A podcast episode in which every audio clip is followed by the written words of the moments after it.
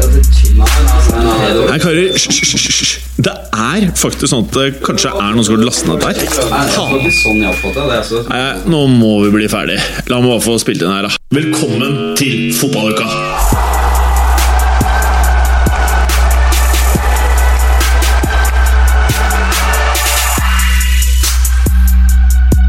Hei dere!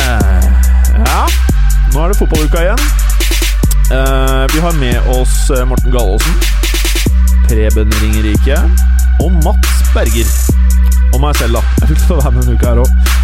og det er digg. For nå skal vi gjøre noe av det beste jeg vet. Vi skal prate om transfers. Og som jeg liker det. Ikke sant det, Gallosen? Jo. jo. jo. Ikke sant det, Preben? Jeg liker det veldig godt. Ikke sant det, Mats Berger? Ja, ja. Ja, ja. og så skal vi prate om eh, Ja. Og så skal vi prate om Premier League, og selvfølgelig Europa. Så velkommen til denne ukens episode av Fotballuka. Fotballuka! Ja! Velkommen til Fotballuka! God dag, Morten Gallosen. God dag, Jim. God dag. Kan jeg få gi deg et lite tips? Uh, ja. Ja. Du trenger flere T-skjorter. ja. For nå tror jeg det er tredje gang vi tar den T-skjorten her. Da kan vi jo prate om noe annet, da. Ja, vi kan prate om noe annet. Jeg tenkte nemlig på det. Jeg tenkte at vi starter med Preben. Gjør det, ja. Hei, Preben. Vi har egentlig startet med Morten nå. Men hei, Jeg trodde egentlig vi var ferdig med introen, jeg, i og med at du uh, nevnte alt som er her. Nei, nei, nei, nei, nei, nei, Nei. Vi har ikke gjort oss ferdig med introen. Vi skal ha en kjapp intro i dag. Ja. Eh, hvordan har uken din vært, eh, Preben? Ekstremt trøtt i dag. Ekstremt Litt trøtt, ja. småsjuk. Ja, Ja, er jo- Eh, sovet jævlig dårlig i natt. Så dette tror jeg blir en eh, fin, eh, fin runde. Morten, eh, du nikker eh, Jeg kjenner meg igjen i det. Preben sier. Ja. Eh, Og jeg føler det samme og, og du har hatt en litt off-dag også, Jeg har hatt en, ikke bare en off-dag, jeg, har en- jeg har en veldig dårlig dag i dag. I dag er det bare kaffe i studio, så Ja. spørs hvordan dette her går. Og Munkholm. Og Munkholm. Og Munkholm. Og du da, Berger? Nei, eh, jeg har faktisk eh, sittet eh, over to timer hos eh, tannlegen med Altså snakker vi to timer effektiv jobbing i kjeften min. Å, fy Eh, vi har prøvd en ny variant, og det er jo å stikke til eh, Tannlegehøgskolen. Uh, for det er jo dritbillig. Men altså, én fylling tok to timer. Altså, jeg, har- Men har bedøvelsen gått ut av Altså, Nå skjønner jeg hvordan det er å være, være porrstjerne og suge i to timer i strekk. Liksom, altså, jeg, altså, jeg hadde, hadde så vondt i kjevemuskulaturen at jeg, jeg var helt, helt fucka etterpå. Ja, Altså. altså Jeg har hørt om folk som drar til frisørlærlinger, men tannlegelærling, det er en, annen, det er en ny vri. Altså, er det da, at, da må liksom, da en lærer komme og se og gi guiding underveis. Ja. eh, Og, og de, resultatet blir veldig bra, men det tar lang tid. Og det er ikke bare venting, det er snakk, de jobber lenge i kjeften din. penger sparte du på dette? her, da? Eh, 1500 spenn, kanskje, eller noe sånt. så mye. Ja. Hadde du spilt inn en ekstra episode med fotball, kunne du tjent igjen det med en gang. ok, eh, er det noen andre som ønsker å tilføye noe i introen? Nei, egentlig ikke. Nei? Skal vi si oss fornøyd med podkasten for i dag? Ja. Men eh, en ting som vi faktisk da eh, bare kan gå rett over på, det er jo transfers. Som er noe av det saftigste eh, i moderne fotball. Hva er det du har lagt merke til denne uka, eller de ukene som har vært, Morten Gallaasen? Jeg ble gjort oppmerksom på at uh, i og med at uh, Oviedo, Lescott og Gibson uh, joina sin gamle kjenning David Moyes i Sunderland, så kan faktisk nå Sunderland altså Ikke bare er de en army av rejects, men nå kan de faktisk stille utenom keeper. Så kan de stille et helt lag kun med folk som var veid og funnet for lett i Everton og Manchester United. Jeg kan godt lese opp lagoppstillinga. Ja, kan Gjør du gjøre det? Ja. En treer bak så har du Jolene Lescott, uh, Paddy McNair og John O'Shay. Lukter det svidd, altså. En uh, firer på midten med Brian Oviedo, Jack Rodwell, Darren Gibson og Donald Love. Og framme har du Steven Pinar, Victor Anichebe og Adnan Janu Oh, Ja, men det er fint, det her. Hvis ikke det laget rykker ned, så skjønner jeg ingenting. Ja, men hvordan klarer de seg hvert år? Lang vei her. Nei, men altså Sist gang David Moyes var, eller hadde suksess, var jo i Everton-tiden. Så nå har det gått rimelig skeis i eh, tre klubber nå. Så da var jo alle disse lett- spillerne fem år yngre. Ja, så han går liksom eh, back to basics, henter inn Everton og satser på at det funker. Ja. Sounds about right. Eh, hva er det du har tatt tak i eh, fra siste måned med transfers, Preben? Det har jo vært et ganske kjipt overgangsvindu. Det er jo Altså Ingen av de store klubbene har gjort noe veldig morsomt. Det er jo bunnlagene, da som det ofte er på den tiden her, som prøver å gjøre noe. Hull har jo gjort mye. De har jo kvittet seg med lagets beste spiller. De hadde vel ikke noe valg, egentlig. Hvem er det, for de som kanskje ikke- Snodgrass. Ja. Premier Leagues beste frisparkskytter, eller? For ti mil eller noe sånt, ikke Ti det? mil til Westham. Skal Ja. erstatte Dimitri Payet der. Ja, det er jo nesten samme type spiller, det. Ja, Det er vel ikke noe upgrade for Westhams del, men uh, hentet inn da Markovic, uh, Ranocchia og vår egen eh, Omar. Ja. El Abdelawi har kommet inn. Ja. Så Også ny manager, selvfølgelig, i Marco Silva. Så Hulls syns jeg i og for seg ser styrka ut, jeg. Når Ja. man uh, tar trenerbenken i eh, betraktning. Men uh, jeg må bare sende ballen, bokstavelig talt, ballen videre til uh, deg, Berger. Du som kjenner Serie A. Ranoccia. Hadde du spurt meg for fem år siden, så hadde Ranoccia vært en fyr som jeg hadde sagt Ja, kanskje Real, kanskje Juve Ranocchia. Ja, Ranocchia. Eh, Hva skjedde skjedd her? Altså, da han var yngre, så var det liksom han og Bonucci som eh, var liksom skulle være de neste, liksom, eh, neste Ja. av Cannavaro. Ja. Uh, den ene ble jo det, bare enda bedre til å, um, til å, pa, med, til å passe ballen. Og da mener du Ranocchia? Nei, da er det Bonucci, mens Ranocchia han har jo ikke fått ut potensialet sitt i det hele tatt. Så kan du godt argumentere for at det er det mange som har vært innom Inter som aldri har fått, uh, fått til. Eh, likevel så, så tror jeg at dette er en decent signing for, um, for Hull, altså. Men tenk deg å bytte ut Milano med Hull, da. Ja. Sånn bomessig. Ja, ja. Det er overgang, altså. Ja, det er klart at det er overgang. Mm. Var Jeg det syns Milano vår- er uh, overvurdert. Ja, Ja, det Hull jeg. er vel neppe overvurdert. Men var det ikke vår venn eh, Christian som bodde et halvår eller to, to måneder i eh, Hull, som mente det var det styggeste stedet han har vært? Og det er heller ikke noe nytt, da. Jeg mener før hver Eller når eh, Hull rykka opp til eh, Premier League, så hadde jo TV 2 en egen reportasje om hvor stygt det var i Hull, som var kåret til Englands styggeste by. Så det er nok litt overgang, selv om man ikke er så imponert over Milano. Så tenker man at det er en, eh, et metropol, da. Men de har også kvitta seg med Livermore. Og er- henta inn Luka Milivojevic fra Olympiakos. Eh, han blir betegna som en spiller som eh, er god med ballen, har eh, bra bevegelighet, defensiv midtbanespiller. Da. Så de, uten at jeg har sett altfor mye av han, så høres det litt ut som en upgrade i den posisjonen. Jeg, jeg tror faktisk at Hull har gode muligheter til å greie seg. Jeg vet at mange er uenig i det, men jeg tror faktisk både Swansea og Hull greier seg. Ja, Hvem skal rykke ned da? Um, Palace rykker jo antagelig. Og, Nei, kutt ut, da!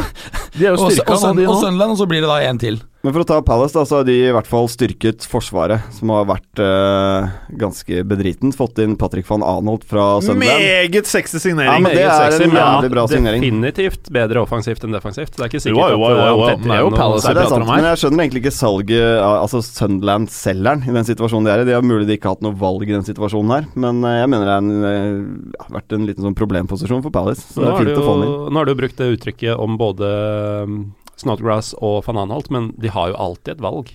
Ja, ja. Definitivt. Så, men de har også fått inn uh, Saco på, på lån fra Liverpool.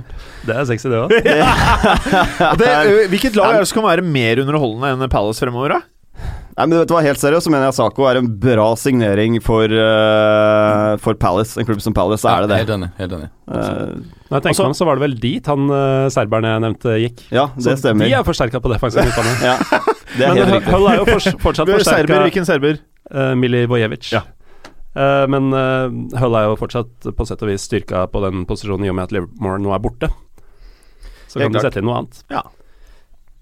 Uh, så er jo vår venn José Fonge, er det sånn? Fonge. José Fonge. Gjort Fonge. uh, Det er, akkurat det er den én på slutten, Preben, som Mm. du og jeg sliter litt med. Ja, det er det. Fonge. Fornche. Fonge.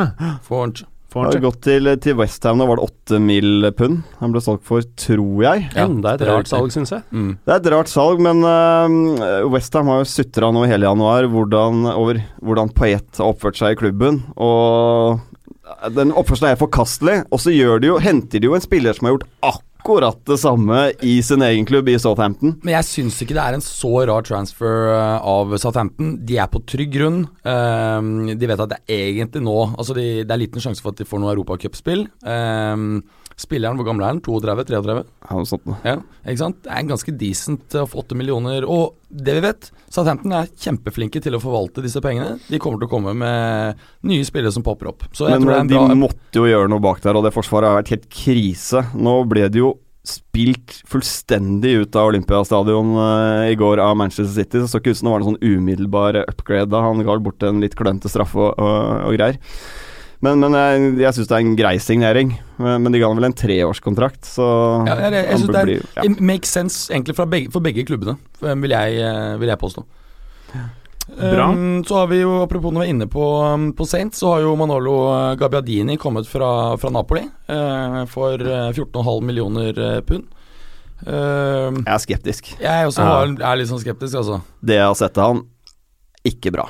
Nei. Han er en helt middels spiss. Ja. Lite bevegelig. Jeg tror de håper at det er en ny Graziano Pelé de Ja. har klart å plukke opp her.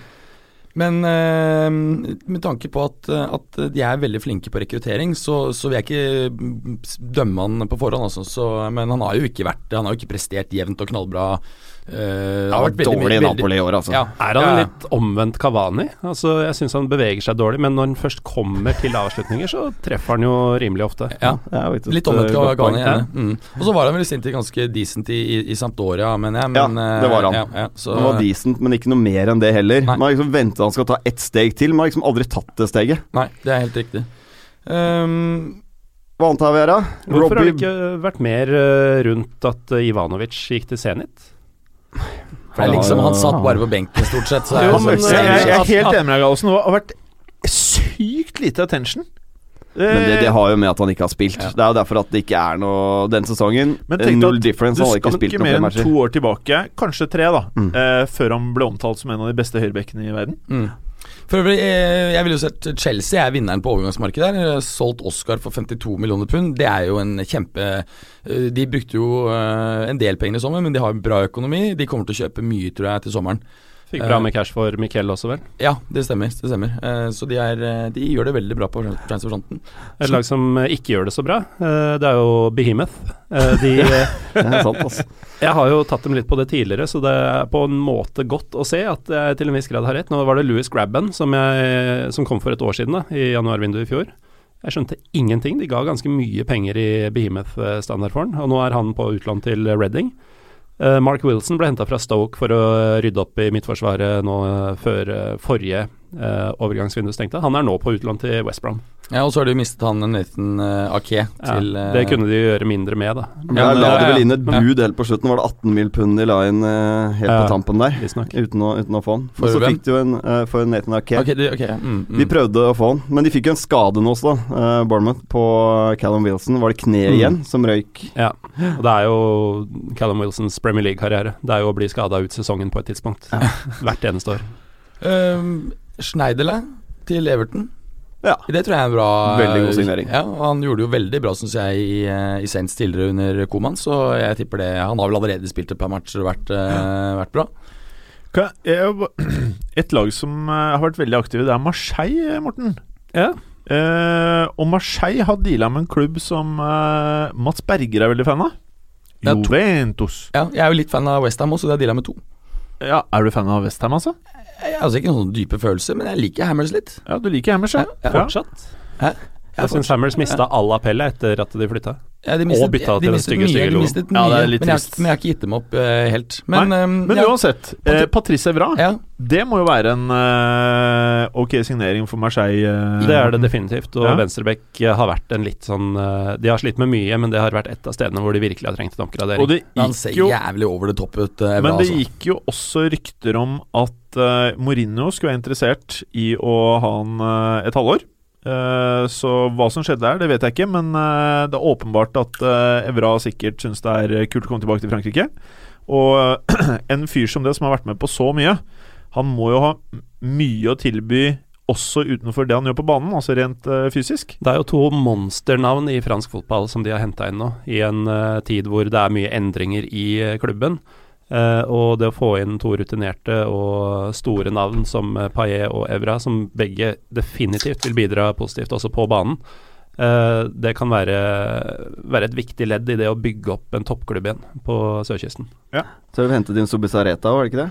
Jo. Som sportsdirektør. Stemmer. Mm. Så de mener alvor der, altså. Eh, Mats Berger leker seg med tyggegummi i studio. Ok. ehm, er det noen klubber som dere hadde forventet dere transfers fra, men som vi ikke har fått det fra? Er det noen som uh, bemerker seg sånn helt åpenbart her? Ja, Hvem da? Real Madrid på høyre bekk, men de uh, har jo Høyrebekk? Ja, altså han Danilo han er det mest ubrukelige som har gått på, på Santiago Bernabeu noen gang i hvitt. Nei, slutt å tulle, da. Altså, Carvajal er jo fantastisk god, eh, Ja. men det er jo fordi at de har en transferband. Men jeg kan ikke huske at Real Madrid har gjort et større feilkjøp enn Danilo noen gang. Men det sa vi ikke da han Nå var kanskje ikke du med den gangen, eh, Mats, men jeg husker da han kom. eh, Da var jo han på eh, overgangsvindulaget vårt, og Ja, ja, ja, ja, vi hadde jeg, så trua på Jeg hadde kjempetroen på det. På, på Ja, det. Eh, Men jeg føler at, eh, som vi prata om, da, det er noen spillere Når de kommer til Real, så bare De bare friker ut og mister det. Ja. Og eh, kremeksempelet for meg er alltid Royston Drenthe. Ja, det jeg skulle si? Husk, jeg bare, når han ble signert av Madrid, så gikk jeg inn på YouTube. Så så jeg klipp, liksom. Han så ut som en eh, blanding av Edgar Davids, Ruud Gullit og Altså, han var bare så jævlig bra, Ja. også på Nederland, da. Mm. Eh, og når han kom da jeg så på han, så Ok, her har vi noe. Dette, Ja. Dette er en ny stjerne. Ble kåret til årets Eller, eller turneringens spiller i sånn U21-VM eller noe sånt. Han Helt riktig. Og det, det man tenkte, var at dette er en, en teknisk enda teknisk bedre, for han var jo back, kunne spille bingo. Ja. Eh, som du Og så- så, Og, og, og fysisk kapasitet og ja. helt sånn Hadde alt. Mm. Og så vet jeg ikke helt når det begynte, men hver gang han fikk kula til slutt, så begynte realpublikum å bue han. Og husk på, han var jo unggutt. Ja. 17, eller når, jeg tror han var 17 når han kom. Mm. Eh, og det er klart at da Det sier seg jo selv. Da blir du most. Ja. Eh, I Danilos tilfelle, når jeg så ham for eh, Porto, så tenkte jeg veldig ofte at eh, PP kom jo også fra portugisisk fotball, og den gangen så hadde jeg nesten ikke hørt om PP før Real kjøpte han. Og de kjøpte han for 25 euro, og den gangen var 25 euro Det var mye penger. Jeg lurer på om han ikke var, nesten var verdens dyreste stopper eh, sammen med Ramos. Nei. Eh, Turam var betydelig dyrere til, Ja. til Juve. ja, ok. I 2001. Mm. Ja, ok. Fint. Sånn at eh, Det er bra. Vi må ha fakta i fotballuka. Ja, ja, ja. Men han var eh, en av de dyreste, da. Ja, han var dyr. Eh, og jeg hadde ikke hørt om han. Og han kom inn og ble en av favorittspillerne mine på Real Madrid. Og jeg trodde det samme skulle skje med Danilo. Men jeg syns det ser ut som det er selvtillit, jeg. Bare Ja. på Danilo. Han kom litt skeivt i gang. Et par uh, litt nervøse opptredener. Og når du først Og da begynner du på en måte å få det trykket mot deg uh, i en klubb som Real Madrid. da ja. Når du gjør et par dårlige åpningsmatcher. Og da sliter du på en måte med å komme tilbake igjen. De Ja. aller fleste er ganske sterk psykisk altså for å komme tilbake igjen. Og så ja. er det litt med all Barca-pressen. All pro Barca trekker frem alle spillerne til Real som kanskje ikke spiller optimalt. Og det samme med Barca-spillere i Realpressen. Men, uh, Men jeg, ja. jeg, mener at altså, det, er ikke, det er jo ikke det at han er problematisk dårlig offensivt, det er jo det at han er defensivt helt hjelpeløs. Nå på kort tid så har han hatt to selvmål. Det er bare kaos. Men altså, det er, det er helt krise. ja, jeg er vel ikke like negativ uh, som deg, men uh, Derimot så tror jeg at han vil være, kunne være ganske bra i en 3-5-2-formasjon som en wingback. Han er mer en wingback, eh, føler jeg, enn en eh, back. Ja.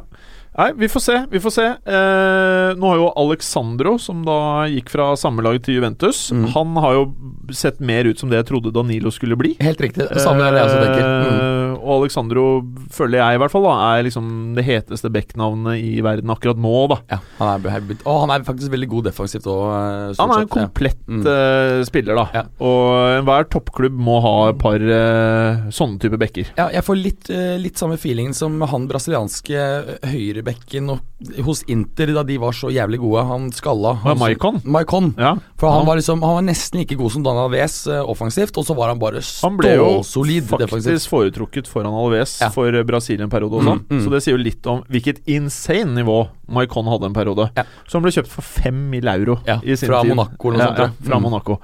Eh, nok om det. Eh, noen andre transfers som eh, raisin some eyebrows? Ja, ehm, det er Wilfred eh, Ndidi, eh, som eh, Leicester har kjøpt for 15 millioner eh, pund.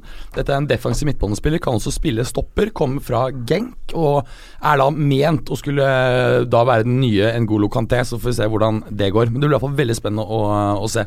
Det sa de også om uh, Nampali Mendy, som de henta i sommer, men han uh, er ikke samme spillertype. Uh, nå er det begrensa hvor mye Genk jeg har sett, men Ndidi sies å være en veldig mye mer Kanté-aktig spiller. Eh, at han Mm. har mer til felles med, med Kanté enn eh, at han er defensiv midtbane. Eh, han har gode skussmål derfra, men eh, han er jo uprøvd på et høyere nivå. Blir eh, spennende å se. Men det er litt sånn Det er mye penger, men det er et veldig typisk Leicester-kjøp. Ja, ja. Så er det jo stort sett i England det kun Altså at det er store kjøp i januarvinduet. Så i Spania så er det kun lånedeals her og der. Eh, Og der er det mest spennende er jo Hesse, som har gått på lån til eh, Las Palmas. Riktig. Og Las Palmas begynner å se ganske så sexy ut, altså. Det som er interessant, jeg så nå at øh, Vet dere hva den totale summen som er blitt brukt i La Liga dette overgangsvinduet? Nei. Vil du fortelle? Ja, 26 millioner euro eller noe sånt. Det er nesten Shit. ingenting totalt. Har du oversikt over England? Premier League har brukt Nei. eh, 235 millioner. Men dette er eh, første vindu Premier League-klubben har gått i pluss totalt. Det er på grunn av er Kina.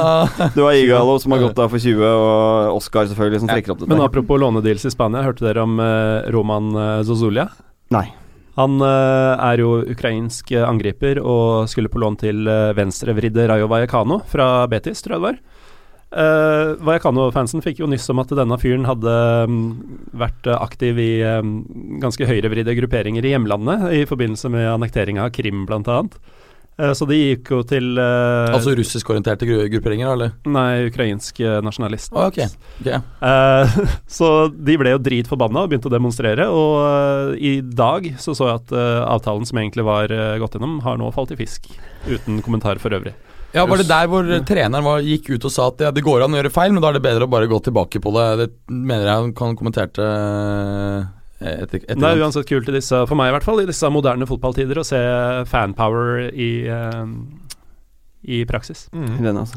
Så har jo Eh. Pato forsvunnet fra oss igjen, da. Det var det jeg skulle si. Fader heller. Altså. Det Nå gikk har vi også endelig fått den inn i Europa og Ja. fikk sett den litt. Og han begynte jo å bli bra i Villarreal også. Spilte mye bra matcher eh, rett før jul her. Nå har han dratt til Kina, han òg. Det er mye brasilianere som stikker. Ja, det er lite, det er ikke så rart, altså, fordi eh, eh, det, det er jo mange av de som er utgangspunktet litt mer sånn leiesoldater, og du ser jo det at eh, det er lettere å kjøpe Costa f.eks., mens europeere er vel eh, litt mer satt i Europa. Altså Tross at de ikke forlatt en verdensdel for å flytte hit for å spille fotball. Men, men er du ikke enig i at uh, når du er Pato er jo ikke gamle fyren han heller. 27. 27. Endelig begynt å finne formen. Ja. Sier det litt om at du kanskje ikke har så tro på deg selv som Eller eh, ambisjoner, tenker jeg. da ja, At det er mer eh, Ja. penger man spiller for, enn at du motiveres av å spille foran uh, 60 000 på en eller annen stor stadion. Men jeg syns fortsatt ikke at jeg, jeg føler de aller fleste av de som har stukket nå, med unntak av Alex Texeira, så er det vel ingen av de spillerne som for meg, da, at det er helt sånn krise at de har stukket. Nei, Det begynner er å bli krise den dagen eh, Messi, Ronaldo, eh, Thomas Müller Altså den type Da er spillere de velger å stikke. Da begynner det å bli kjipt. 34 pluss, tipper jeg. Ja, ja. helt Høyst sannsynlig. Og, og situasjonen nå i kinesisk liga er jo at det er strammet inn på hvor mange utlendinger de kan ha. Og det gjør at jeg tror ikke det er en trussel for europeisk fotball. De kan kun ha tre, tre spillere som ikke er asiatiske. Men jeg forbinder Kina også med et land som plutselig bare Ok, ja, nå har vi fylt opp kvota. Da- eh, vi har ja. mer spenn. Ja, Vi bare endrer litt på den der, så kan vi hente de andre gutta vi Jeg er har ikke så sikker på det. Så jeg, du? Kina? Kina er jo tufta på femårsplaner og tiårsplaner Ja. og sånn, og dette er vel en tiårsplan de har lagt for eh, fotballen, mener jeg har Ja. hørt. Uh, så de har eh, Det er jo for å utvikle fotballen i Kina og utvikle det kinesiske landslaget også, som dette er Det er en større plan om det. Ja, ja, og det er lang tidshorisont på Hvordan, det. så- hvordan utvikle landslaget? Er det noe turnering som Akademier. liksom Bygge en Mm. haug av fotballakademier. Og jeg Ja. husker ikke tallet heller, men Og det så er vel jo da de 2500 kinesiske eller sånn, det er helt spillerne vilt. mm. eh, på grunn av den regelen som du refererer til, Mats, Uh, de skal jo få spille side om side med disse stjernene og disse Ja. ordentlig gode. Men minner dette litt om oppsvingen i japansk fotball uh, for en stund tilbake? At det var veldig hype en periode, og så ble det høye seertall, og så bare ut av ingenting så ebbet det bare vekk.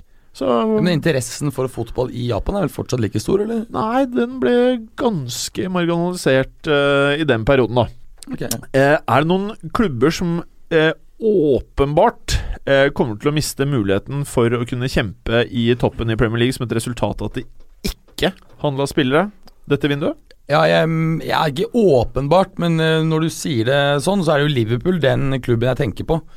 Eh, jeg syns jo på sitt beste så er de fantastisk gode, men det er en litt, litt liten stall, og de, de mangler, syns jeg, litt på det defensive, altså. Og ja, jeg mener at kanskje de burde prøvd å få Hesse. Mulig de prøvde på det òg, men, eh, men for det kunne vært en bra backup eh, der. Men Klopp er vel ikke noen fan her, da? av å hente inn folk midt i sesongen.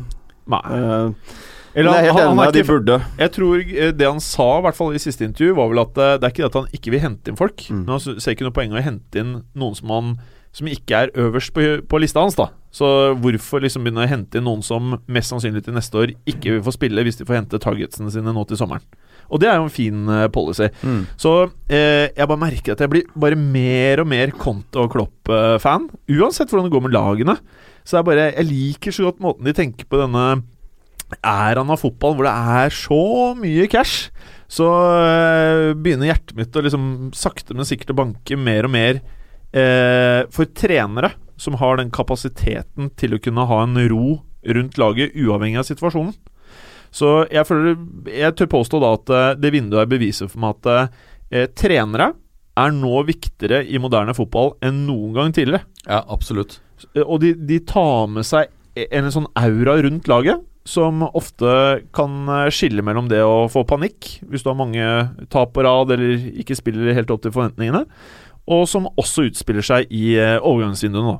Helt enig, og det ble jo sånn forventet det vinduet. Det er bunnlagene som må gjøre noe. De, de har kniven på strupen og bare Ja, de må nesten ta de panikkvariantene. Det Ja. blir ofte sånn i januar, det har jo vært sånn i mange år. Og det er jo også lettere for eh, bunnlagene å forsterke vesentlig, fordi de spillerne som er tilgjengelige, er mer enn gode nok for disse lagene, men ikke gode nok for Chelsea og Tottenham f.eks. Bra. Er det noen siste ting før vi går videre? Ingenting på hjertet her, altså. Jeg, jeg tipper til uka så er det sånn at Åh, vi glemte de og de transferene, vi prater litt mer om det. Men da kommer vi bare til det. Det er ikke verre enn det, boys. Skal vi bare gå rett på uh, Europa. Gjør det, ja. Uh, Gallåsen. Bundesliga. Eh, Fin liga, altså. Ja, ja, fin, ja. Ja. Og så hører jeg at eh, billettprisen er ok også. Ja, For det meste. Ja, ja det er fint, det. Eh, Bayern Det er jo liksom der vi pleier å starte. Ja. Det er vel ikke noen grunn til å ikke starte der nå også? Nei, vi kan godt starte der. Ehm, De ehm, hadde en vanskelig bortekamp eh, forrige runde. Vant 2-1 eh, bort mot Freiburg. Ja. De hadde en ny vanskelig bortekamp nå mot Verde Bremen og vant atter en gang 2-1. Eh, og det var jo da stakkars Verde Bremen som hadde en veldig god avslutning på høstsesongen. Eh, de har jo nå hatt hjemmekamp mot Dortmund og Bayern siden vi starta igjen, og tapt begge 2-1 Ja. i veldig eh, positive kamper for dems del, men de sitter jo igjen med ingenting. Um, Du, kan, kan jeg bare avbryte? Sorry, det er helt sånn feil tidspunkt å si dette her. Men eh, for dere lyttere, dere vet jo ikke dette her. Men vi, vi, hadde, vi har jo prata av og til om julebord i fotballuka slash, slash planleggingshelger. det hadde blitt mye planlegging der. Og vi prøvde jo, Mats Berger, og det var jo ditt, du var jo initiativtaker. Du er liksom vår sosiale tiltakssjef. Ja, Ja, vi sier det. Ja. Og det ble du bestemt nå. Ja, ja.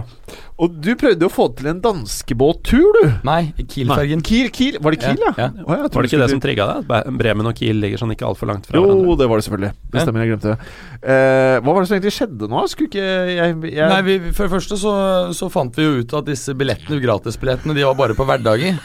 Så uh, da var det ikke, hadde det ikke vært sånn superaktuelt kanskje å dra på en mandag. mandag. Vet du hva, jeg vet ikke med dere, men jeg Altså, alle hender i været for de som mener at vi bare tar eh, betaler en helgetur fra sponsorpengene. Ja, sponsorpengene. Ja. Spons Dere får dra, gutter.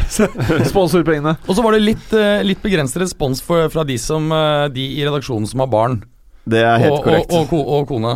Som har andre prioriteringer. Mm. Ja. Som rett og slett ikke fikk lov. Ja. Ja, sagt på en måte.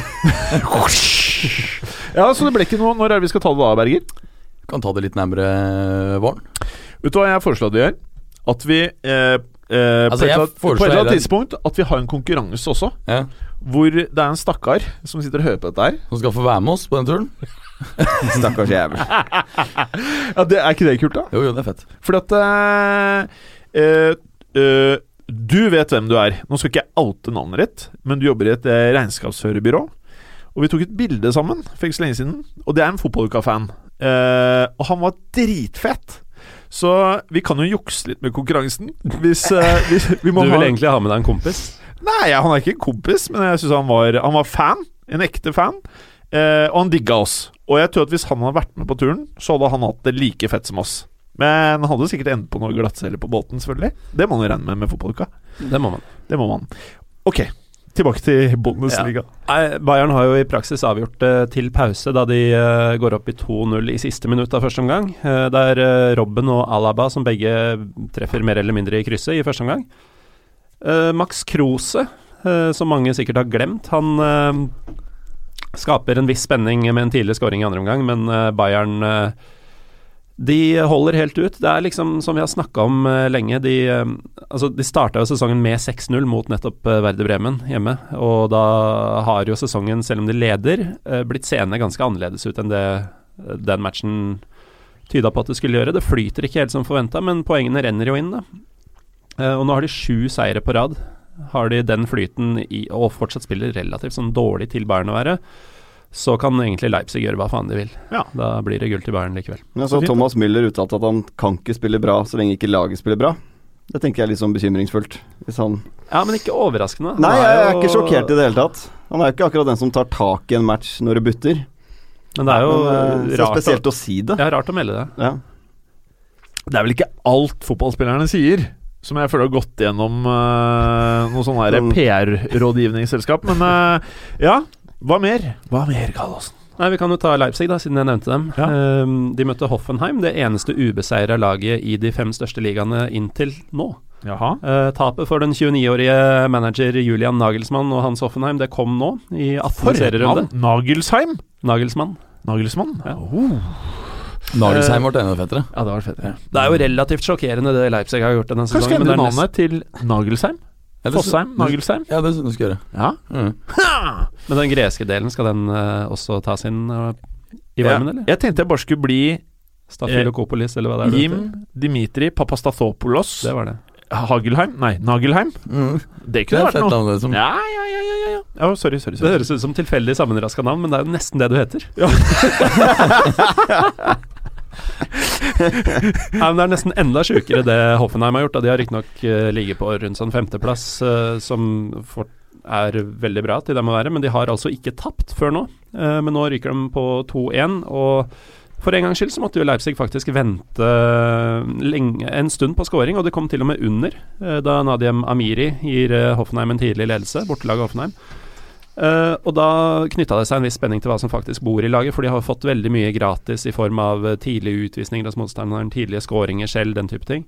Eh, de kommer tilbake ved Timo Werner, som skårer hver eneste kamp. ja, helt utrolig. Men jeg er oppi nå i ligaen. eh, litt usikker. Det er, det er tosifra, i hvert fall. Ja, ja, ja minst. Ja. Altså, eller selvfølgelig, det er jo ikke tresifra.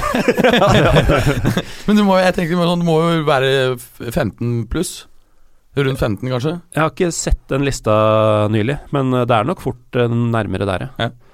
Eh, men det er da 1-1 til pause, og så skjer det jo som det alltid skjer. da. Uh, motstander til Leipzig får jo et rødt kort. Sandro Wagner ut etter en times spill, og snaut kvarter før slutt så er det dødballspesialist Marcel Sabitzer som avgjør til 2-1. Um, så det ble jo litt medvind uh, denne gangen også. Jeg tror uansett at uh, denne malinga og kverninga som Leipzig drev med, de ville nok fått betalt for den uansett om de spilte mot 11. Den ene av Timo Werner har 11. Ikke mer, nei. Jeg syns jeg bare ser han hele tiden jeg sjekker uh, hvem som har skåret for Leipzig. Ja. Ja, han skårer, men det, det er stort sett ett mål per Ja, kamp. Det er, det er ikke noe hat trick-konge eller noe sånt. Eh, så det var historien om Leipzig-Hoffenheim, uh, Jim. Ja, så fint, da. Så fint da Høres bra ut. Uh, eh, Dortmund Dortmund dominerte borte mot Mainz. kan, eh, kan jeg bare starte med eh, han eh, eh, Han unggutten. Han, ja. Han, er- han ene unggutten ung på Dortmund. Eh, Han, eh, han som fortsatt er i tenåra, liksom. han som har det samme navnet som veldig mange andre. Dembele. Ja. Dembele. Ja. Ja. Eh, hvordan er utviklingen hans? Eh, den var veldig positiv eh, gjennom høsten. Ja. Eh, han, eh, han skal jo egentlig matches relativt forsiktig, og nå har de et ganske skadefritt lag. Eh, de kunne stille nesten eh, helt fullt. Jeg vil si de stilte sin sterkeste elver nå, selv om Bartra og Dembélé i manges øyne skal starte. Begge var spilleklare, og begge starta på benken. Uh, men uh, han så tidvis veldig bra ut i høst. Har lugga litt nå, men det er jo, de har hatt en lengre pause. Eh, Men det som var påfallende i høst, syns jeg var at han starta som en sånn ung Cristiano Ronaldo som var veldig fancy og festlig å se på, men som gjerne dribla seg bort en gang for mye og gjorde litt dårlige valg. da, Lite sluttprodukt. Eh, Og det endra seg ganske fort i løpet av høsten, at det ble flere og flere målpoeng. og Han ble en viktig spiller i det offensive eh, hos Dortmund. Dortmund. Så eh, jeg tror på en veldig god vårsesong for han, og at uh, sky's the limit. Men, men Dortmund har én seier på de siste fem, og har nå elleve poeng opp til uh, Rasenballsport. Ja, og dette var enda Har de sjanse sjans til å hente det? Nei, de må nesten sikte seg inn på tredjeplassen nå, og den hadde de jo eh, da det sto 1-0. Eh, det gjorde det i 80 minutter. Så er det Dani Latza, en mann som skåra et hat trick i høst, men som ellers aldri skårer. Eh, defensiv midtbanemann, skikkelig sånn klassisk kjip sliter, egentlig. Mm.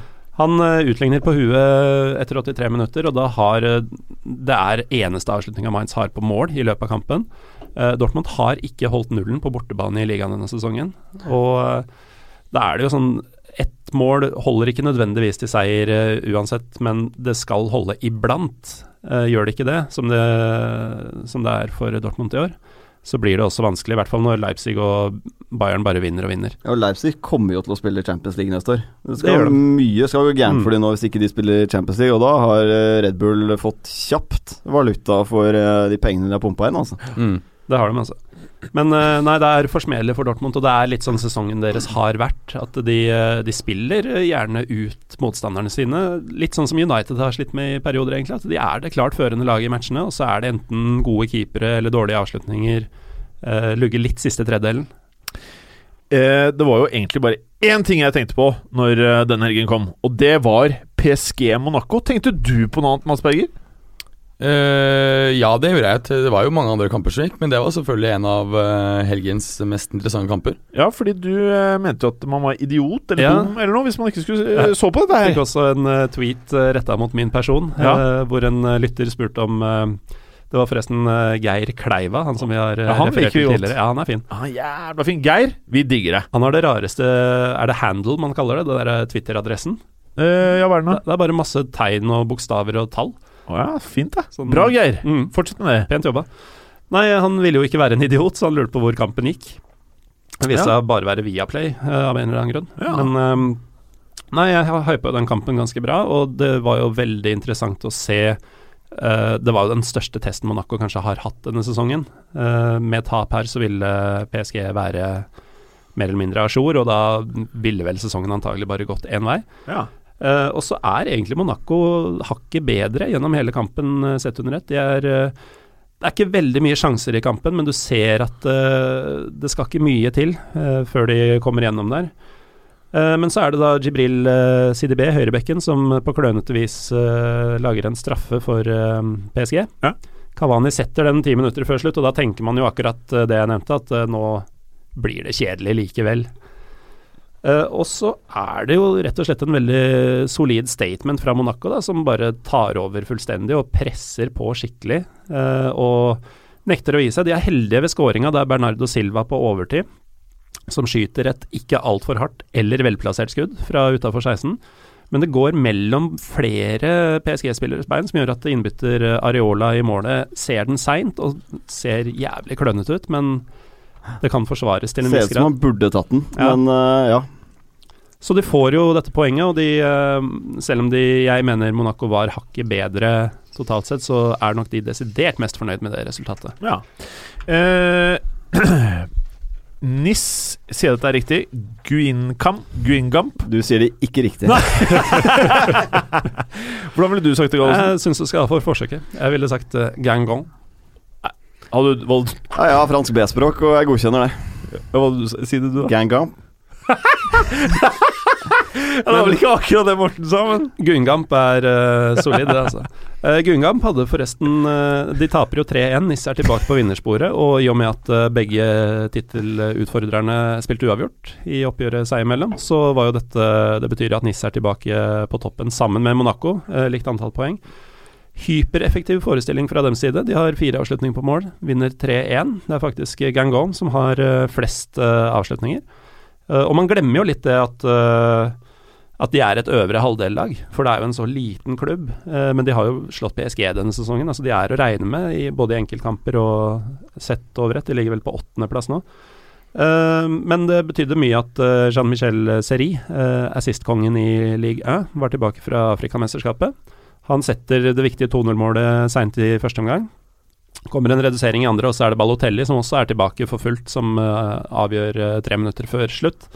Uh, og um, Eiserik, en viktig midtbanespiller, som også har stått over en del i det siste, han var også tilbake. Han noterte seg for en assist. Så de uavgjortmatchene som NIS har hatt i det siste, som jeg trodde var et tegn på at nå begynner det å lugge eh, det kan hende at det lysner nå, altså. Nå har de fått tilbake nøkkelspillere og en uh, viktig seier i en strategisk viktig serierunde. Hmm.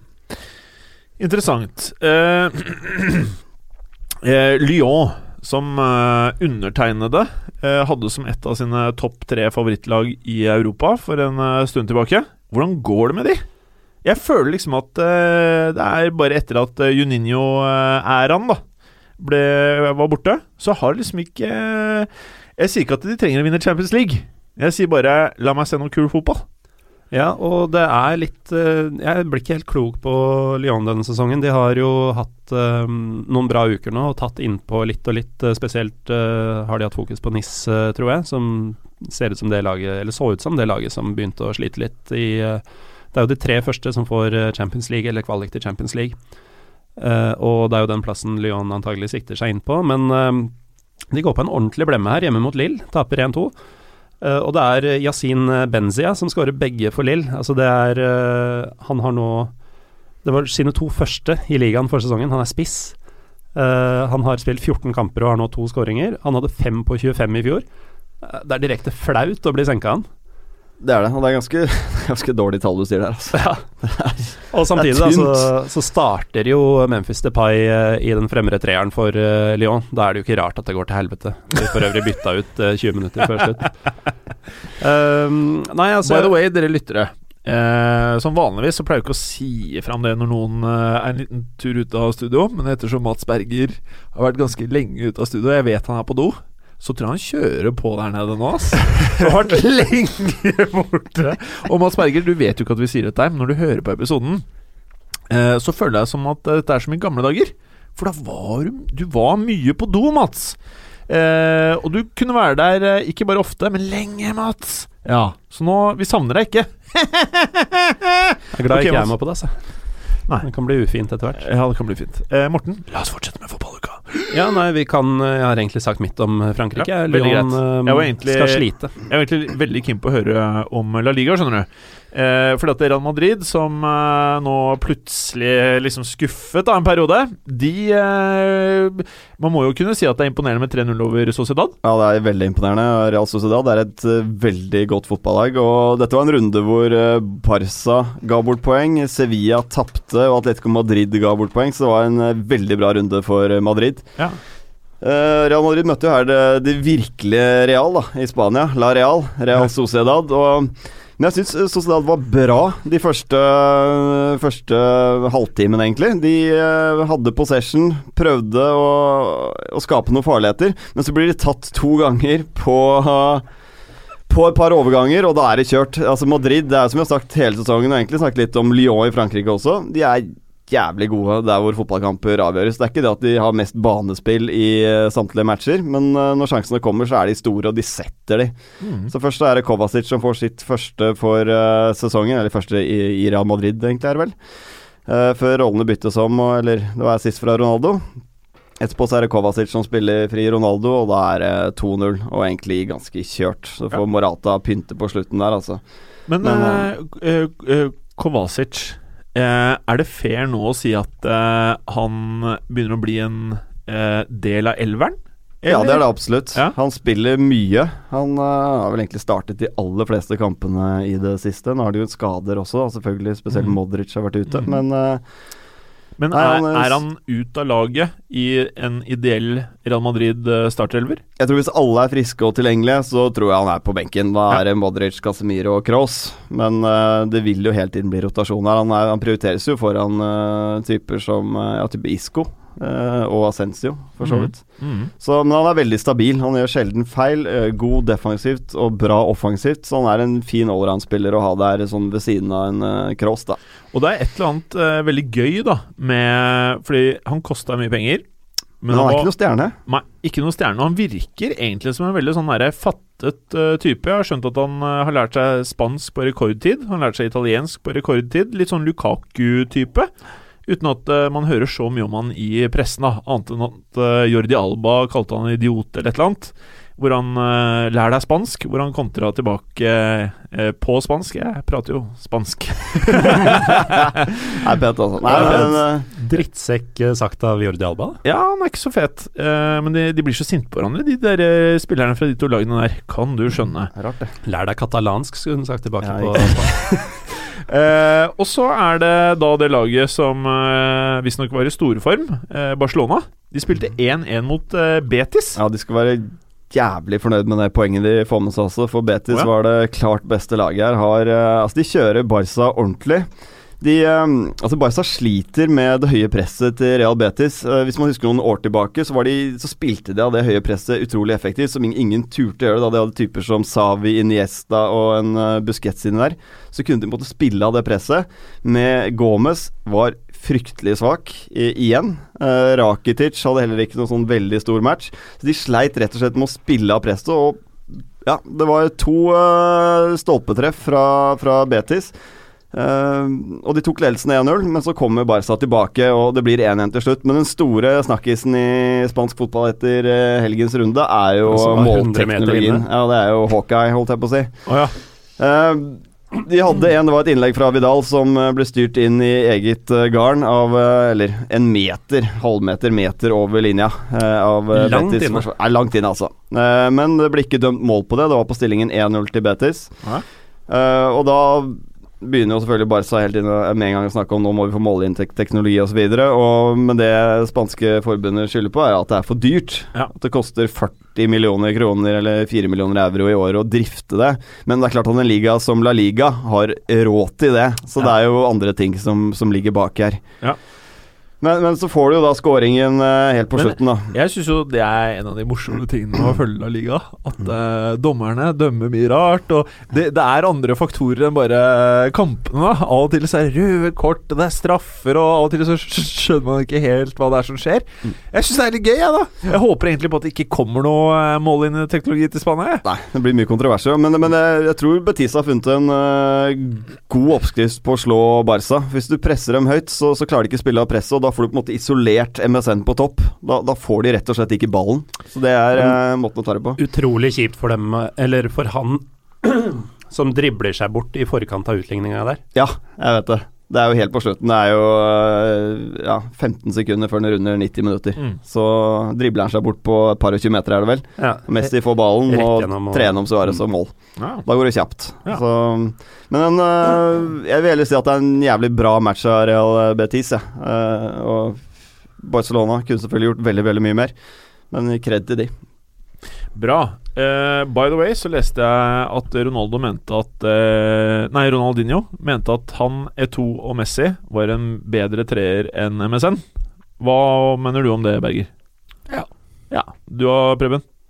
Det kan jeg faktisk være med på. Jeg klarer ikke skille det, i hvert fall. Altså, jeg syns Dinho er eh, bedre enn eh, Neymar, Ja, men jeg, kan, jeg kan, men jeg syns Luis Suárez faktisk er mer komplett enn en Eto. E2. Var fantastisk Ja, på det beste, Jeg er ikke altså. så sikker. Pluss at han og Ronaldinho hadde sånn telepatisk forståelse som bare jeg, jeg har ikke sett det siden. Nei, og jeg- det jeg husker var at en sesong så byttet de, for da forvirret de alle, hvor plutselig Ronaldinho lå lengst frem, og E2 Ja, ja, ja, ja. hang litt bak. Da bare hva faen, Man trodde at det ikke skulle funke, men jo, det funka som faen. Og så spilte jeg to med små leggskinn, så det så ut som han bare hadde på seg sokker. Ja. Det var Jeg gøy, digga ass. E2, altså, Ja, men, men jeg, bare, var jeg, jeg bare syns at eh, Mener kanskje at Luis Suárez er litt mer komplett i den forstand at han også vel gir en god del flere assist enn det E2 eh, gjorde. Han var vel en litt mer sånn spyd... Ja, Man kan argumentere for at Messi er en bedre spiller nå enn det Messi var da. Men jeg syns den treeren for meg var mer sexy å se på enn MSN i dag. Ja, ja, syns jeg, da. Ja. Så min vote er eh, Ronaldinho-treeren. Mm. Hva med deg, Olsen? Det var mye kulere typer, i hvert Ja. fall. Mm. Ja, ja. Ok, ok. Og så er det da Sevilla, Preben. Du calla jo at uka? eh, på et eller annet tidspunkt så må det liksom komme noen eh, imot her. Ja, fryktet du at de ville gå på litt for mange blemmer i sesonginnspurten til at de kom til å være med og pushe Real Madrid hele tiden. At det blir et sånn Real Madrid-Barcelona-løp, dette her. Og her kom den. De taper 3-1 borte mot eh, Spanjol. Får en helt forferdelig start på matchen, hvor eh, det blir straffe og rødt kort imot. Og den setter jo José Antonio Reyes, da. Gamle Oh. Sevilla-produktet, som eh, har vært innom Arsenal nei, og Real Madrid. Før han spilte fire sesonger igjen i Sevilla, før han nå gikk, på, gikk gratis til Español før denne sesongen. Han har vært i Atletico, har han ikke? Som eh, Han, kanskje? Mm. Ja. Visste du at eh, han har bildet sitt i eh, ordboka? Nei, det Nei? visste jeg ikke. Hvis du slår opp 'hjemlengsel', så er det bilde av Reyes. Nei, Jo, jo, jo, jo, jo, jo. på Google? Jeg kødda, da. Jeg husker ikke da han var i Arsenal? Han var så lei seg. Ja, Han ville hjem, ja. han ville Det er noe med de gutta der nede, altså. ja. Som Han bare elsker uh, Sevilla. I want my mother! I want my mother! Eh, Nei, det er uh, Jovetic skårer mål, da, men det hjelper jo ikke. De slipper inn et par på slutten her. Det er jo fullt fortjent, uh, det også. Så mm, det er litt problemet med San Pauli-stilen. da Det blir noen smeller i ny og ne. Mm. Så- ja, men de blir vel litt påvirket av det røde kortet også. ja, her, altså, selvfølgelig. kan Det blir jo en helt annen, eh, helt annen match ut av dette. Det gjør det. Og et annet lag som skuffer, er jo Atletico Madrid. Ja, og nå må vi jo kunne si at de er vippa av gullkampen. Ja, ja, de er helt ute av Komplett. gullkampen Ja. for nå er det ti poeng og én kamp eh, mer spilt enn Real Madrid. Så det, og det er lag imellom her også, så Ja. det løpet er helt Jeg, kjørt. jeg har jo følt det i mange mange måneder at det har vært hektet, da, rett og slett, Ja. for det virker som det Det virker ikke som måte, det han har brukt for å motivere spillerne, fungerer like bra. Det er litt sånn trenertretthet på mange måter. Eh, I tillegg til at det vi har snakket om mange ganger tidligere, at de har på en måte bestemt seg for å spille litt mer offensivt i år, og, og det har åpenbart gått på bekostning av den defensive soliditeten. Ja, her skal de være fornøyd med at de får med seg ett poeng. 0-0 borte mot Alaves. Den her skulle de tapt. De er Ja. heldige med den, altså. Og nå er det jo mye rykter her. Carasco er visstnok jævlig misfornøyd i Atletico Madrid og vil bort. Eh, forholdet til Simeone har surna fullstendig. Grismann han blir solgt i sommer, tror jeg. Jeg er helt enig, tror jeg. Så. Og da er spørsmålet hva som skjer med dette laget. Det kan godt hende at Simione pakker bagen også etter denne sesongen her. Hvem vet, selv om han har kontrakt ett år til. Jeg tror de skal kjempe godt ja, for den Champions League-plassen. De har ett poeng å gå på til Real Sociedad. Og jeg, jeg klarer ikke å se noen forskjell på de lagene akkurat nå. Kanskje Real Sociedad faktisk er et bedre fotballag i øyeblikket. Og Atletico Madrid tapte jo igjen i går i Copa del Rey hjemme mot Barcelona 2-1. I en førsteomgang som var ganske grusom fra Atletico Madrid sin side. De bedrer seg riktignok i andre. Som vi nevnte, så er egentlig alle studio Ingen av oss har en toppdag. Og det er veldig sjelden jeg føler det, liksom. Vi pleier alltid liksom Alt pleier å være fryd og gammen når vi setter oss ned her, men eh, så har vi kommet oss litt opp med sendinga. Men når jeg hører dette her, altså at Atletico Madrid skal rives i filler, det liker jeg ikke. Nei, men jeg, jeg tror det kan bli en kritisk sommer for Atletico Madrid. De, jeg tror de mister de, altså Carasco og, og Griezmann, eh, og da må de jo erstattes på et eller annet vis. Eh, Da kommer selvfølgelig typer som Lacassette og, og den type karer inn i tankene, men Ja, altså, og Dessuten så har de jo et godt fundament her. Altså Det er en Ja. klubb som bak er ganske godt drevet. Eh, så, så jeg tror ikke at klubben blir revet i filler, men det vil kanskje ta noen år før de kan kjempe om ligatittelen. ja. Saul er jo en annen person som uh, ryktes bort. Altså Manchester United skal jo der- tilsynelatende være veldig veldig interessert. Ja, Og de har jo noen eh, utkjøpsklausuler her, og kommer de med de Og de, United er en klubb som kan hoste opp de penga, det har de jo vist. Ja, ja, ja. Og da er det ingenting de kan gjøre med det. Nei, Nei, nei, det er klart Og det er jo bare Er det 100 millioner euro, tror jeg utkjøpen til Grismann er? Ja, den Den burner, de lett. Nei, den mener jeg at det det er, er enda høyere etter at, de, at den er sånn tullestor, så du må forhandle. Den Ja, jeg kan sjekke det opp. Altså, Altså, jeg, jeg- jeg, sikkert sånn, Ronaldinho den gang Så var det sånn Han fikk jo en på 250 millioner euro. I dagens fotball Det er ikke så far off at Kanskje ikke 250, men det er ikke det er ikke så urealistisk lenger. Nei, nei, nei, nei. Den gangen så var det det samme som å si at uh, du blir her. Ja, ja, ja. Men nå 250 er mulig å se for seg at noen kan uh, Ja, altså Hvis det er en sjeik som liksom bare eh, Fuck it, ok da. Ok, vi, Vi tar den. Ja, men, Bare i, den. altså, Bare i, i. I dagens verden så vil jeg påstå at Ronaldinho, som er 24 år gammel, er verdt 250 milio millioner Det verste er at det er litt høyt, men det kan, kunne ha skjedd. Det kunne ha skjedd. ja, ja. Berger, mens du er i farta her Juventus de skuffa ikke. Nei, de, de fortsatte Nå var de og spilte mot eh, Sassuolo borte. Vant 2-0. Eh, Higuain og, og Kidira som skårer målene. De fortsatte med den 4-2-3-1-formasjonen. Litt rart at på en måte man begynner med det nå. Eh, Resonnement Ja, jeg, jeg ser ikke Jeg tror ikke man kommer til å bruke det i Champions League, men det har fungert veldig bra i i Serie A. Um, de har spilt nå i tre kamper. Uh, i, i To i ligaen og én uh, Coppa Italia-kamp. Sluppet inn bare ett mål og skåret seks. Interessant det er alle de seks målene de har skåret, har kommet før uh, det 25. spilte minutt. Uh, det her også var da etter 9 minutt og Kedira etter 25 minutter. Um, Interessant også at Manzukic fungerer så bra i en slags sånn wing-rolle, hvor han jobber knallhardt, er første på å presse når, eh, når man mister ballinnehavet. Eh, digger han mer og mer. Ja, Eh, men- Nydelig angrepsspill, den 1-0-skåringen til Gonzale og Higuain. Altså. Ja, ja. Det Opprøllingen på venstre der, og den bevegelsen til Higuain i boksen her. Ja. Og Pent. mål nummer to også var veldig bra av eh, Dybala, som bare later som han på en måte skal skyte, og så hopper han bare over ballen og den glir videre til, til Kedira. Så eh, absolutt en bra performance. Skapte også mye andre sjanser, så de burde egentlig ha vunnet mer. Eh, Kom videre til neste kamp. Napoli eh, avgir poeng når de tar imot Palermo. Utrolig nok 1-1. Får eh, tidlig mål mot seg, eh, Napoli. Eh, eh, Nestorovskij som skårer for Palermo. Eh, Palermo for øvrig signert tidligere Real Madrid-keeper Diego Lopez, eh, som debuterte eh, i denne kampen. Spilte ekstremt bra, antagelig man of the match. Og Kunne se for meg at han fikk hendene fulle. ja, ja. ja, ja, ja. Ja, ja. Det, han var ikke akkurat noen isolert keeper eh, som ikke hadde noe å gjøre i en kamp. Men, altså, Palermo dominerte fullstendig og sløste Napoli. bort Napoli? Nei, unnskyld. Napoli, Napoli, Napoli dominerte fullstendig, men sløste med, med sjansene.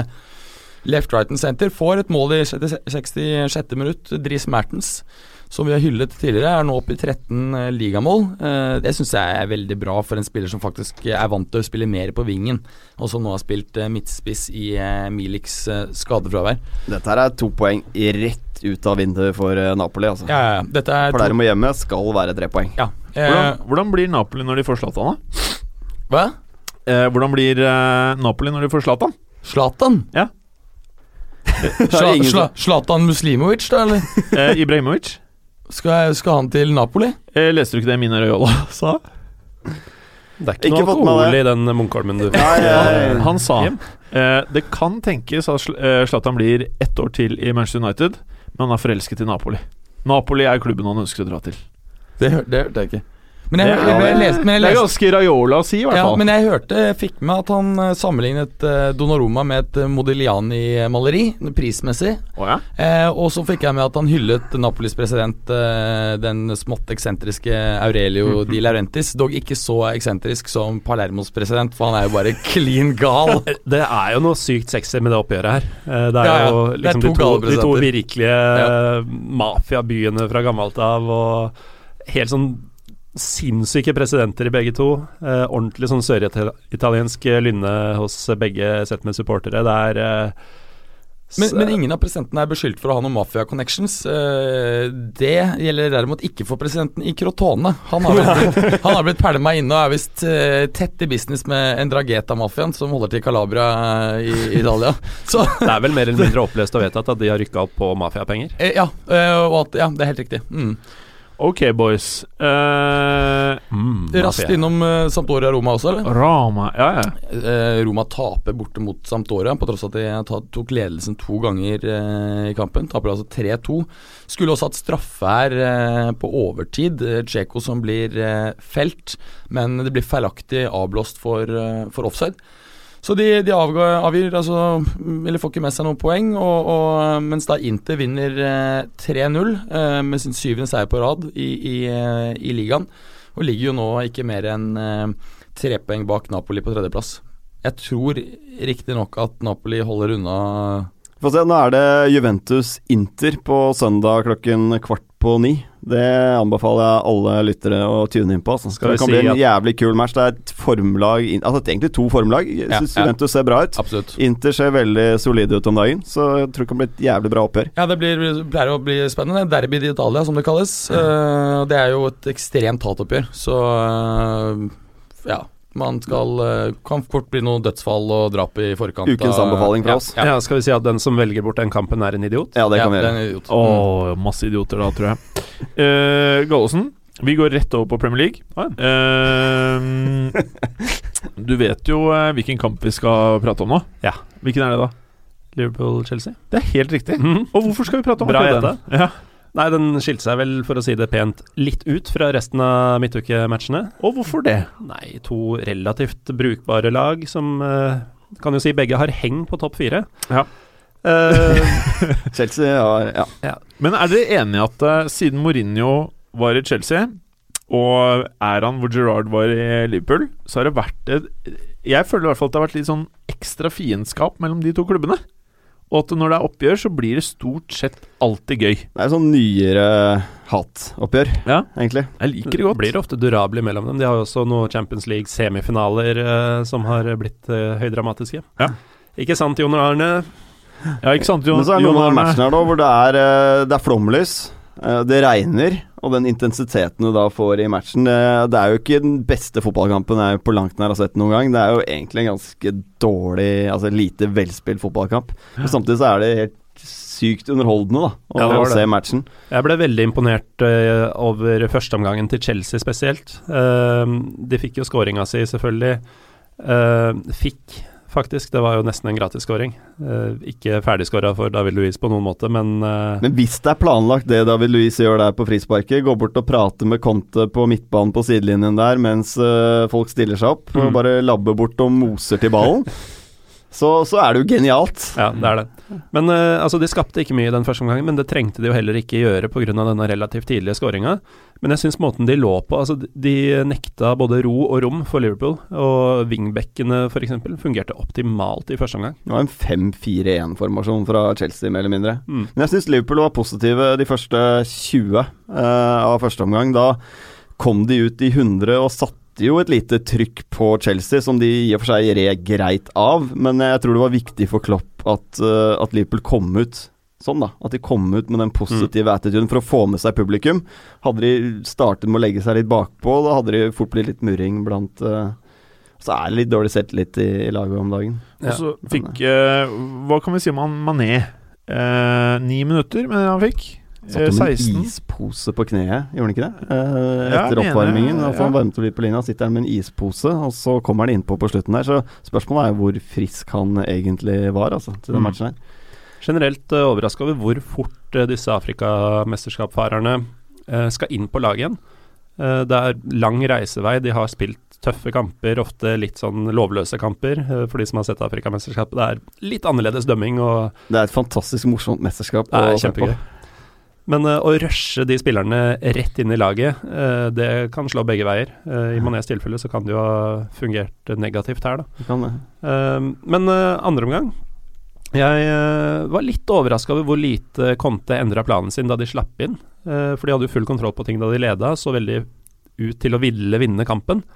Eh, men da baklengsmålet kom, så var de like fornøyd med uavgjort, uh, syns jeg det virka Ja, som. men jeg forstår det i den situasjonen de er, med å lede med så mye poeng. Ett poeng på Anfield, glimrende. Nå møter de Arsenal borte neste helg, får de ett poeng der også. Helt strålende. Da har de ganske greit program igjen uh, Mm, mm. i innspurten. Jeg tror han er uh, så eh, pragmatisk holdning til det hele, altså at her gjelder det bare å Ja, ja, og kjøre safe. Ja, ikke sant. Og, og på tross av at de eh, På tross av at de bare fikk en U, så økte de vel distansen til neste lag med ett poeng.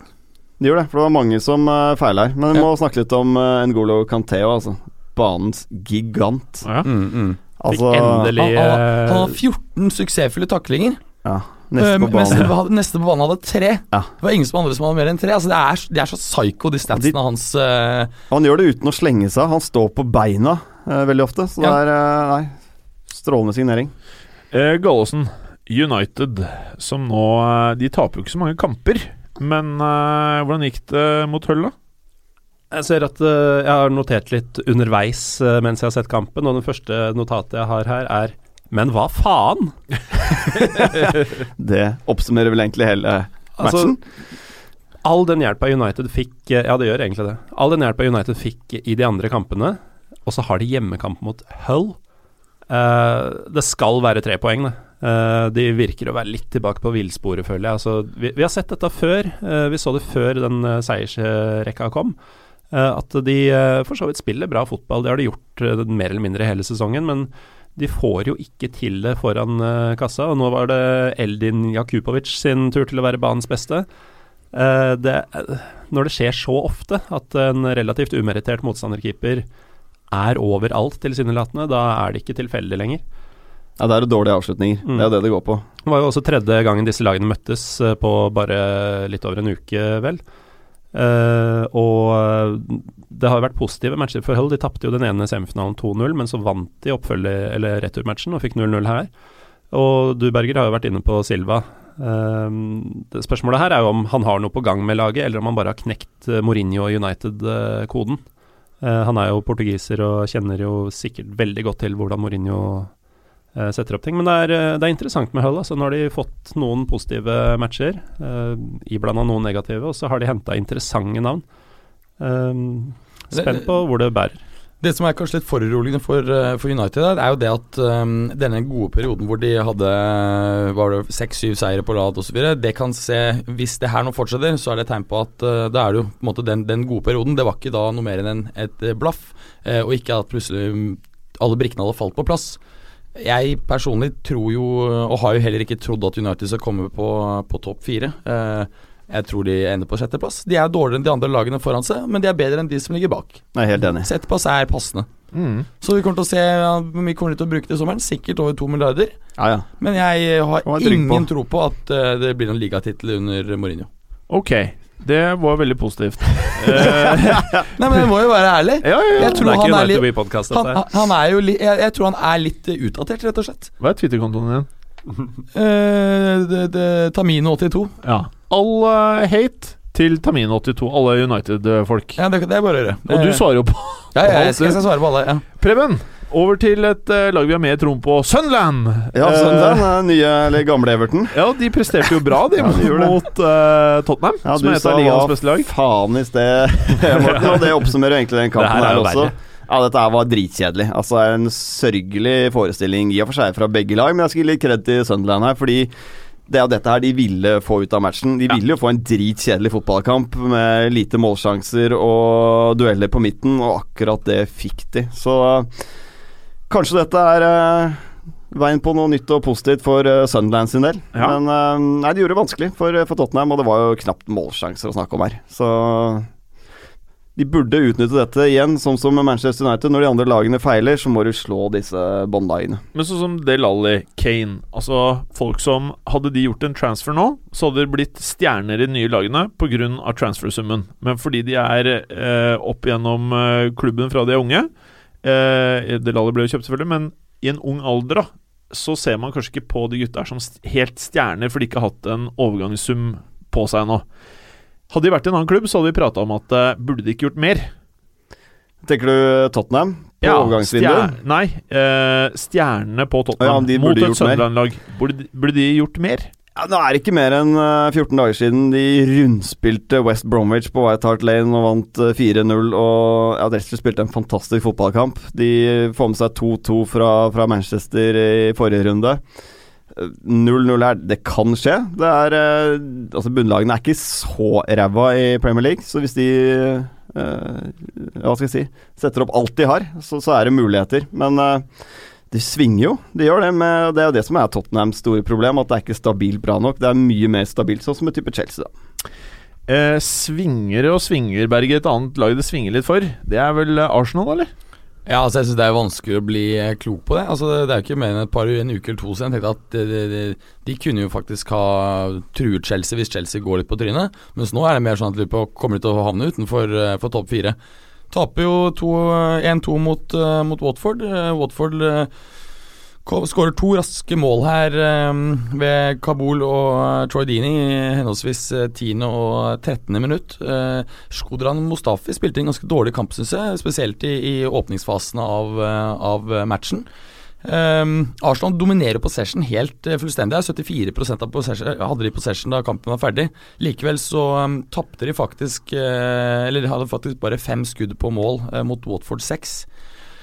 Og uh, De får jo en redu reduksjon da, med, ved Iwobi etter 58 minutter, men uh, fortjent tap, vil jeg si. Men det har vært eh, flere matcher nå hvor Arsenal har kommet under, og så har de klart å snu det de siste fem minuttene, og mm. det funker ikke ut sesongen. De har ikke vært veldig bra på en god stund nå, Arsenal. Nei, men samtidig så har vi gitt dem litt kred for at de har greid å komme tilbake på tampen av matchen, for det viser på en måte sterkt vinnervilje, og, og det er jo noe vi kanskje tidligere har etterlyst litt, at de har manglet.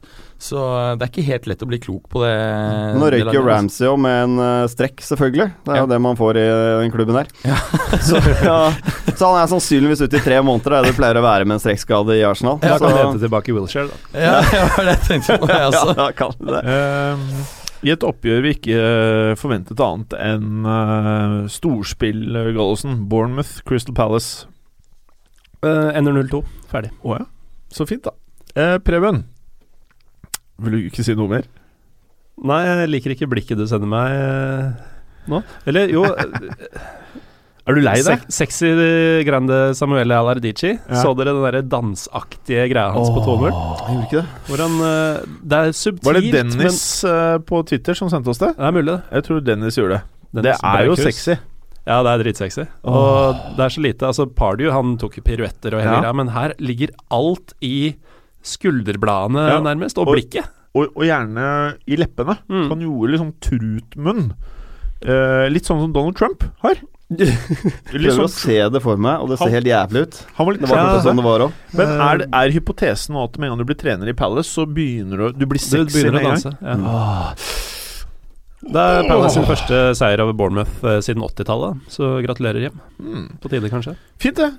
Preben, Stoke og formlaget Everton. Ja, ender, Fortsatte de i formen? Ja, altså det ender 1-1. En uh, ganske underholdende match, uh, faktisk. Uh, Peter Clarch med sitt 100. Premier League-mål. Han har klart gærlig. å få til det, altså. Bare den 26. spilleren gjennom historien som klarer 100. Ja.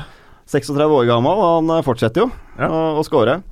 Ellers så er det et selvmål da fra, fra Shawcross eh, som er jo litt eh, ble litt diskutert i ettertid. Det ble vel først avblåst for offside på Lukaku, men uh, etter så linjedommeren blandet seg her og, og sa at den ballen gikk via Shawcross. Og, og Lukaku forstyrret jo ikke keeper på noe som helst måte, så, så ble, det ble scoring. Så um, bra. I en tid hvor dommerne får jævlig mye tyn, så er det greit å si at det var uh, bra dømt. Berger, du skal runde av hele greia, du, med Manchester City. Uh, som Er de tilbake nå, eller hva skjer? Det har jo vært veldig mye rykk og napp der også gjennom eh, sesongen, men de er jo eh, kjempesterke her. eh, vinner eh, 4-0. Bare fire skudd på mål, faktisk, gjennom kampen. Gabriel Jesus hadde jo sin første fra, fra start. Varte opp med både mål og assist. Ellers så er det Kevin De Bruyne, David Silva og Toré på en straffe som er er de som skårer målene. Eh, Men Aguero på benken. Vi har prata om det før. Ja. Dette lover jo ikke bra for Agueros fremtid i klubben, føler nå jeg, da. Nei, jeg, altså, det har jo lenge kommet rapporter om at uh, Aguero er veldig slapp på trening og en del sånne ting. Og det er vel ting som ikke Pep er eh, spesielt glad for. Eh, Jesus så bra ut, altså. Jeg synes Han så bra ut mot Tottenham da han Mm. kom inn der. Jeg synes Han var god i den matchen her nå. Det er kult, eh, de på topp der nå. Så Sané, Sterling og Jesus, de er vel 19, 20 og et par og 20 eller noe. mm, mm. Eh, og det jeg syns de var jævlig gode til nå, City, var jo den bevegelsen. Det var litt tilbake til de hadde de seks første matchene i år, hvor du har enorm bevegelse, uh, høyt tempo på, på, på kula. Og da henger ikke så mange lag i Premier League eh, med på, på dette her. Og de Western ble jo spilt langt ut av stadion, altså. Ja, det var nei. rundspilling. Ja, ikke sant. Eh, Men interessant, Jeg så tror at Aguero fort kan være ferdig, for han gidder ikke å spille annenfiolin hvis ikke han på en måte skal være klar det førstevalget. Men jeg ser liksom ikke sånn helt åpenbar destinasjon. Hvor skal han på en måte Lukter vel litt real, vel? Ja, det er det, den ser jeg. Ja. Den eh, ser jeg Og så kan jeg tenke meg at Real selger Benzema til sommeren. Ja, han, blir, han er 29, vel, Benzema. Ja, ja. Nå er jo ikke Aguero en ungfole lenger, da. er han fort 28, vel? Noe sånt. Men Benzema Men Aguero er jo på en måte eh, liksom helt ypperste klasse. Ja. Han er jo mer enn bare en spiss. Han er ikke en nier, på en måte. Han er eh, ja, liksom rett under Messi-Ronaldo-bracketen, da. Ja. Eh, moderne angrepsspiller. mm. Men eh, jeg så en eh, annen fyr på benken der. Eh, Kompani. Det er jo litt uh, spennende, da. Med tanke på hvis de skulle finne formen nå, med tanke på Champions League, og Morten Gallesen mener jo at eh, Monaco fort vekk kan uh, ta det. Så er det jo litt spennende hvis nå Du mener det blir spennende også å se hvor lang tid det tar før han blir langtidsskadet? For å få strekk i leggen igjen. Men han spilte jo 90 minutter, var det mot Palace i FA-cupen. Da de moste Palace, var det vel. Da fikk den 90 minutter, så Ja. han kom seg gjennom det. Men jeg er helt enig. Det er jo sånn du bare venter jo på Ja, ja. at det der skal ryke et eller annet i den kroppen igjen. Ja. Den virker jo relativt skjør, altså. Mm. Men han er en viktig spiller. Hvis de får stabla han på beina, så vil det gjøre mye for det laget der. Ja, jeg, jeg, eh, jeg tror um, Der vi for noen uker siden på en måte så litt ut som um, United og City ville på en måte Altså det, det var et luke opp til topp fire, så ser de jo nå Jeg tror City får topp fire. Spørsmålet er hvem av de andre tre over der faller ut. Det er jevnt, altså. 46, 46, 47, 47. Jeg- jeg- jeg tror ikke Altså, Tottenham altså, faller ut. I motsetning til dere, ja. så tror jeg Arsenal får Champions League. Ja, ja, Eh, City får Champions League, Tottenham får Champions League og Chelsea, Chelsea, får Champions ja, League. det er det jeg også egentlig tror. Jeg tror Manchester United og Liverpool ut. Ja, det er det jeg også tror. Rett og slett. I think so. Mm. I think so, my French. Hva tror du, eh, Jeg er enig med dere. Uh, hva med deg, Preben? Akkurat nå, ja, men dette svinger jo fra uke til uke. Da. Nei, men Altså, Det du ja. sier nå, det er det vi kommer til å høre på på slutten av sesongen.